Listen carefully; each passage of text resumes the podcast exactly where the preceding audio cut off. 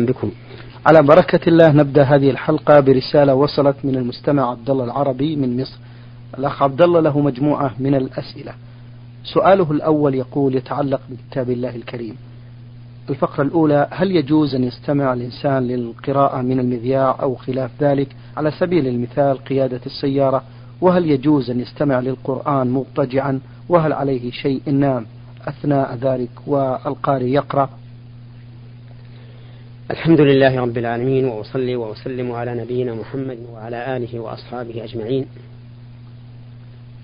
الاستماع إلى كتاب الله عز وجل عبادة لأن الله تعالى أمره أمر بها فقال عز وجل وإذا قرأ القرآن فاستمعوا له وأنصتوا لعلكم ترحمون. وهذه العبادة وهي الاستماع إلى كتاب الله جاءت مطلقة في كتاب الله. لم تقيد بحال دون أخرى. فيجوز للإنسان أن يستمع إلى كتاب الله عز وجل وهو قائم أو قاعد أو مضطجع. ويجوز أن يستمع إلى كتاب الله وهو يعمل لكن بشرط أن لا يلهيه العمل عن الاستماع. فإن كان يلهيه عن الاستماع وذلك حيث يكون العمل يحتاج إلى تفكير فإنه لا ينبغي أن يستمع إليه.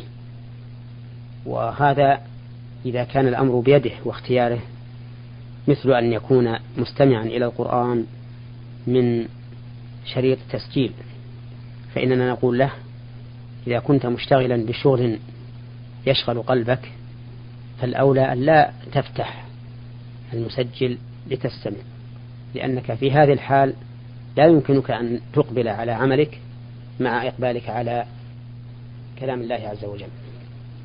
لكن الذي يظهر لي أن الاستماع إلى القرآن حال قيادة السيارة يمكن لأن القيادة لا تشغل الإنسان كثيرا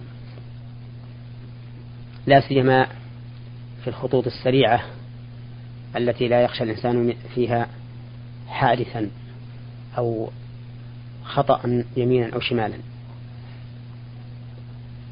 فالقاعدة أنه متى أمكنك الاستماع إلى كتاب الله على وجه تصغي إليه وتنتفع بما تسمع فاستمع إليه على أي حال كنت قائما أو قاعدا أو مضطجعا لعموم قوله تعالى وإذا قرئ القرآن فاستمعوا له وأنصتوا لعلكم ترحمون أما إذا كان لا يمكنك لانشغال قلبك بما أنت متلبس به فلا يحسن أن تستمع إليه لأن لأن الله تعالى يقول ما جعل الله لرجل من قلبين في جوفه نعم.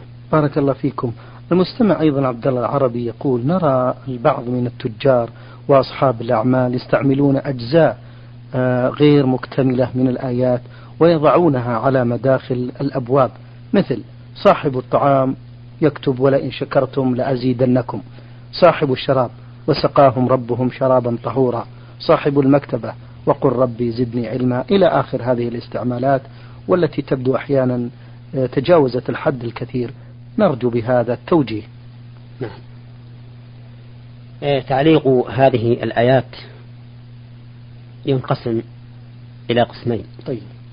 فتارة يقصد بها التحرز والتحصن مثل الذين يعلقون آية الكرسي أو المعوذات أو نحو ذلك وهذا لا شك أنه غير مشروع وأنه أمر لا ينبغي لأنه لم يرد عن السلف الصالح ولأنه يشغل ولأنه يوجب للإنسان أن يعتمد عليه ويدع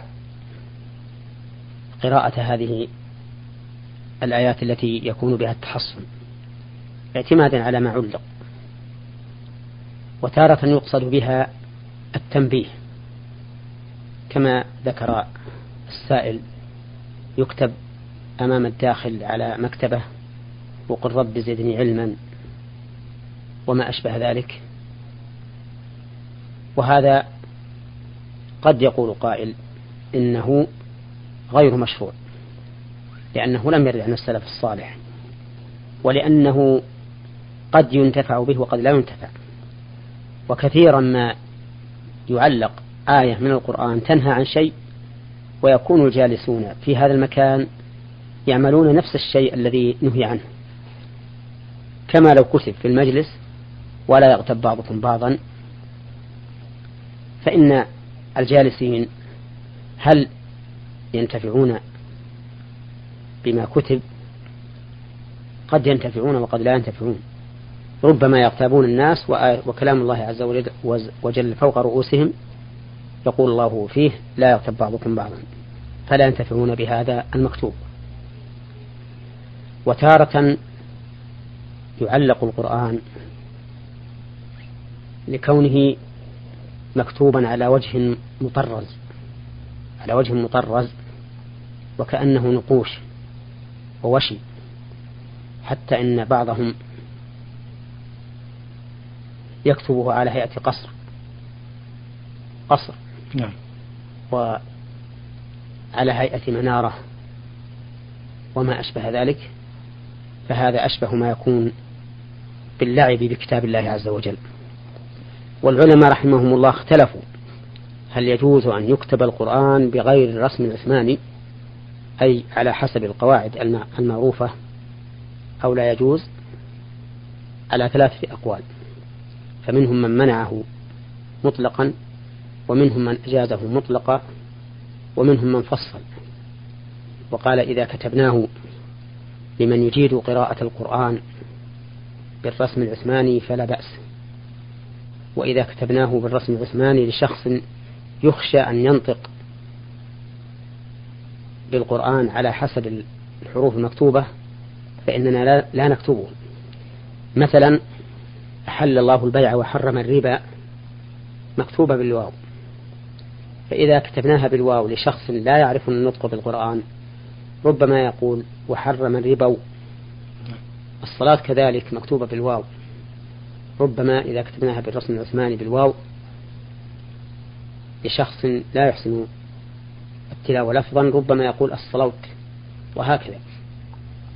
المهم أن بعض العلماء فصل في هذا المقام وقال إن كتب لشخص لا يخشى منه تحريف القرآن تبعا للحروف فإنه يجب أن يبقى على رسم العثماني وإن كتب لشخص يخشى أن يحرف القرآن بناء على كتابة الحروف فإنه يكتب بالقاعدة المعروفة بين الناس. فإذا كان العلماء اختلفوا في في الخروج عن الرسم العثماني فكيف نجوز لشخص أن يكتب كلام الله عز وجل على صفة قصور أو منارات أو ما أشبه ذلك؟ هذا لا شك في تحريمه. والواجب على من عنده شيء مكتوب على هذا الوجه أن يطمسه. وأن يحوله إلى كتابة على حسب الرسم العثماني. هذا إذا قلنا بجواز تعليق الآيات على الجدر القسم الرابع من يعلق آيات لا علاقة لها بالموضوع. والسلامة من التعليق تعليق الآيات على الجدر أسلم وأبرأ للذمة وأحفظ للإنسان. فهو في غنى عن تعليق الآيات على الجدر. أما تعليق بعض الحكم على الجدران فهذا لا بأس به ولا حرج فيه. طيب طيب. آه سؤاله الثاني يقول المسألة الثانية تتعلق بالوضوء. كما تعلمون فضيلة الشيخ عزكم الله وإخواني المستمعين أن انتشار المدنية والمباني الحديثة قد أدى غالبا إلى وجود الحمامات والأحواض للأيدي والوجوه ودورات المياه في كل مكان ودورة المياه في مكان واحد. فهل يجوز الوضوء في هذه الأماكن أم يجب حمل ماء الوضوء خارج هذا؟ نعم. يجوز للإنسان أن يتوضأ في المكان الذي تخلى فيه من بوله أو غائطه لكن بشرط أن يأمن من التلوث بالنجاسة بأن يكون المكان الذي يتوضأ فيه جانبا من الحمام بعيدا عن مكان التخلي أو ينظف المكان الذي ينزل فيه الماء من الأعضاء في الوضوء حتى يكون طاهرا نظيفا. المسألة الثالثة يقول في الصلاة على الرسول الكريم صلى الله عليه وسلم أحيانا ونحن نستمع إلى قول أو فعل للرسول صلى الله عليه وسلم. نقول معجبين مسرورين صدقت يا سيدي يا رسول الله أو عليك الصلاة والسلام يا سيدي يا رسول الله. هل يجوز ذلك؟ أقصد بالتحديد يا النداء أو كاف المخاطب.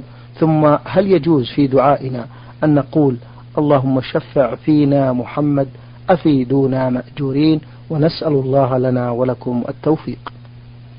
لا شك أن الصلاة على النبي صلى الله عليه وسلم عند ذكره من القيام بحقه صلوات الله وسلامه عليه. وحق رسول الله صلى الله عليه وسلم علينا أعظم من أي حق لمخلوق. ولهذا يجب على الإنسان أن يفتيه بنفسه. فإذا ذكر النبي صلى الله عليه وسلم عندك فصل عليه وسلم عليه. ولا حرج أن تقول عليك السلام يا رسول الله.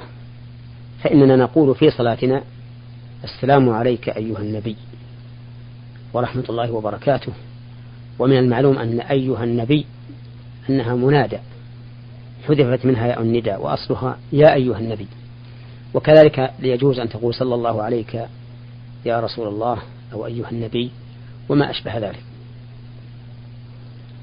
وأما صدقت فالأولى أن تقول صدق رسول الله أو صدق الله ورسوله أو ما أشبه ذلك. حتى تبتعد عن تصور المخاطبة لرسول الله صلى الله عليه وسلم مخاطبة الحاضر إلا فيما ورد به النص. والفقرة الأخيرة هل يجوز في دعائنا أن نقول اللهم شفع فينا محمد؟ وأما قول القائل اللهم شفع في رسولك محمد صلى الله عليه وسلم فإن ذلك لا بأس به. ولهذا أمرنا أن نقول خلف الأذان. إذا تابعنا المؤذن أمرنا أن نقول اللهم صل على محمد اللهم رب هذه الدعوة التامة والصلاة القائمة آت محمدا الوسيلة والفضيلة وابعثه مقاما محمودا الذي وعدته إنك لا تخلف الميعاد. أمرنا أن نقول ذلك لأن من قاله حلت له شفاعة الرسول صلى الله عليه وسلم. فنحن مأمورون أن نفعل جميع الأسباب التي يكون بها شفاعة أو التي تكون بها شفاعة رسول الله صلى الله عليه وسلم ومن ذلك الدعاء. فإن الدعاء من أكبر الأسباب لحصول المقصود كما قال الله تعالى وقال ربكم ادعوني أستجب لكم. فإذا سألت الله عز وجل أن يجعل نبيه محمد صلى الله عليه وسلم شافعا لك فإنه لا حرج عليك في هذا. نعم. بارك الله فيكم. أيضا من أسئلة المستمع عبد الله العربي من مصر يقول بخصوص سجدة الشكر حدثونا عن مشروعيتها وعن كيفية أدائها وعن وقتها وهل لها أذكار مخصصة؟ سجدة الشكر هي التي تكون بسبب تجدد نعمة أو اندفاع نقمة. وهي مشروعة لأن من هدي الرسول صلى الله عليه وسلم أنه إذا جاءه أمر يسر به خر ساجدا لله عز وجل. وهذا السجود صفته أن تكبر وتسجد على أعضائك السبعة وتقول سبحان ربي الأعلى ثم تثني على الله عز وجل بما أنعم به عليك أو على ما أنعم به عليك تثني على الله بما أنعم ثم تثني على الله عز وجل على ما أنعم به عليك. فتقول مثلا اللهم لك الحمد على هذه النعمة وتعينها. اللهم لك الحمد على ما دفعت عني من نقمة وتعينها وتكرر هذا ثم ترفع ولا تسلم ولا تكبر. وتفعل سجدة الشكر كلما وجد سببها من ليل أو نهار. الحمد لله. في أي وقت وعلى أي حال. حتى وإن كان الإنسان على غير وضوء فإنه لا بأس أن يسجد لأن هذا قد يأتي الإنسان وهو على غير طهارة. ولو ولو أمرناه بالطهارة لكان في ذلك تفويت للسجود عن سببه. ولو أنه ولو أن أنه قد ثبت أنه لا بد من الطهارة لسجود الشكر لقلنا بوجوب, بوجوب الطهارة وقلنا إن السعي في شروط الشيء كالسعي في الشيء نفسه. لكن لم يرد عن النبي صلى الله عليه وسلم اشتراط الطهارة لسجود الشكر. نعم. بارك الله فيكم. المسألة الرابعة يقول المستمع عبد الله العربي من مصر نسأل عن صحة القول. إذا ضاقت الصدور فعليكم بزيارة القبور. هل هذا حديث عن الرسول صلى الله عليه وسلم؟ وإذا كان حديثا فنرجو التوضيح له مأجورين. الظاهر أن السائل لم يضبط هذه الكلمة. والذي أسمع عن هذه الكلمة أنهم يقولون إذا ضاقت الأمور فعليكم بأصحاب القبور. يعني إذا ضاقت عليك الأمور فاذهب إلى أصحاب القبور وادعهم ليغيثوك وينجوك مما وقع بك.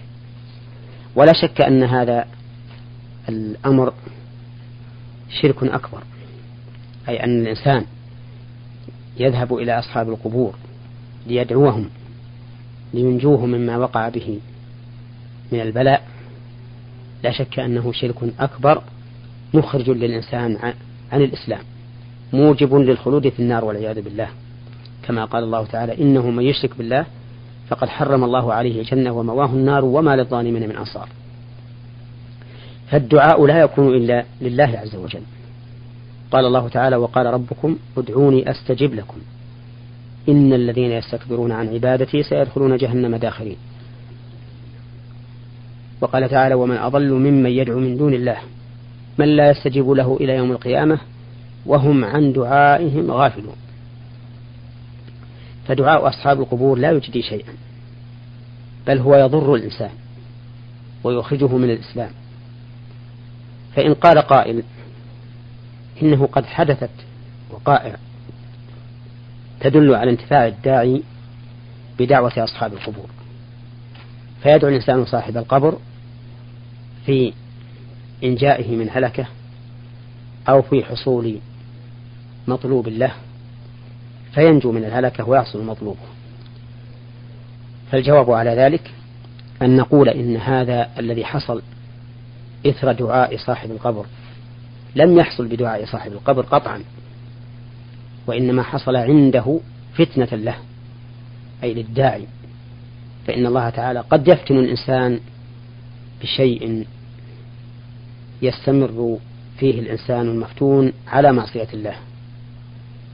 والله سبحانه وتعالى حكيم. وأما أن يحصل هذا الشيء أي النجاة من من المكروب وحصول المطلوب بدعاء أصحاب القبور فهذا أمر لا يمكن أبدا. لأن الله سبحانه وتعالى أخبر بأن الذي يدعى من دون الله لا يستجيب للداعي إلى يوم القيامة. وأما الكلمة التي قالها السائل إذا ضاقت عليكم الأمور فعليكم بزيارة القبور فهذا ليس بحديث عن رسول الله صلى الله عليه وسلم ولا يصح. بل إن زيارة القبور تذكر الآخرة. فينبغي أن يقال إذا رأيت من نفسك الغفلة عن الآخرة والانغماس في الدنيا والترف فعليك بزيارة القبور. لتتعظ وتعتبر بأصحابها. فإن أصحابها الذين كانوا محبوسين فيها الآن هم قرناؤك بالأمس على ظهر الأرض وربما يكونون أكثر منك غنى وأشد منك قوة وأعظم منك فتوة ومع ذلك صاروا مرتهنين محبوسين في قبورهم. فالإنسان إذا زار المقبرة تذكر الآخرة. ولهذا قال رسول الله صلى الله عليه وسلم زوروا القبور فإنها تذكر الآخرة. وينبغي لمن زار القبور أن يدعو لهم بالدعاء الوارد عن رسول الله صلى الله عليه وسلم. مثل السلام عليكم دار قوم مؤمنين وإنا إن شاء الله بكم لاحقون. يرحم الله المستقدمين منا ومنكم والمستأخرين. نسأل الله لنا ولكم العافية. اللهم لا تحرمنا أجرهم ولا تفتنا بعدهم. واغفر لنا ولهم. نعم. بارك الله فيكم. هذا المستمع عين عين صاد من صنعاء باليمن. يذكر في رسالته فضيلة الشيخ ويقول بأنه شاب مسلم ويحمد الله على هذه النعمة. يقول عمري لا يتجاوز السابعة والعشرين. أصبت منذ أحد عشر عاما بمرض وذهبت إلى عدة مستشفيات في اليمن على أمل الشفاء ولكن دون جدوى. وفوضت أمري إلى الباري عز وجل فهو القادر على شفائي. وتفريج كربتي. يقول وليس للمؤمن إلا ما كتب الله له. يقول والدي يلح علي بالزواج ولكنني أرفض خوفا من تطور المرض خاصة ولهذه المدة الطويلة. فهل في رفضي هذا معصية لوالدي؟ نرجو التوجيه مأجورين إن كلام هذا السائل كلام طيب في كونه أثنى على ربه بهدايته للإسلام. وفوض أمره إلى الله بما أصابه من المرض. وهكذا ينبغي للمؤمن إذا من الله عليه بالهداية والاستقامة أن يحمد الله على ذلك وأن يسأله الثبات عليه حتى يلقى ربه عز وجل. وهكذا ينبغي للمؤمن إذا أصيب بمصيبة أن يفوض أمره إلى الله. ولكن لا يدع الأسباب التي جعلها الله تعالى سببا في إزالة هذه المصيبة. وأما إلحاح والده عليه بالزواج وامتناعه من ذلك فالذي أرى أن لا يمتنع من الزواج ما دام مرضه لا يخشى منه أن يتعدى إلى الزوجة فإن الذي أرى أن يتزوج فلعله أن يكون في زواجه خير وشفاء من هذا المرض. فإن بعض الأشياء قد لا يخطر بالبال أنها مفيدة مجدية ومع ذلك تكون مفيدة مجدية بإذن الله. فنصيحتي له أن يتزوج امتثالا لأمر الرسول صلى الله عليه وسلم في قوله يا معشر الشباب من استطاع منكم الباءة فليتزوج.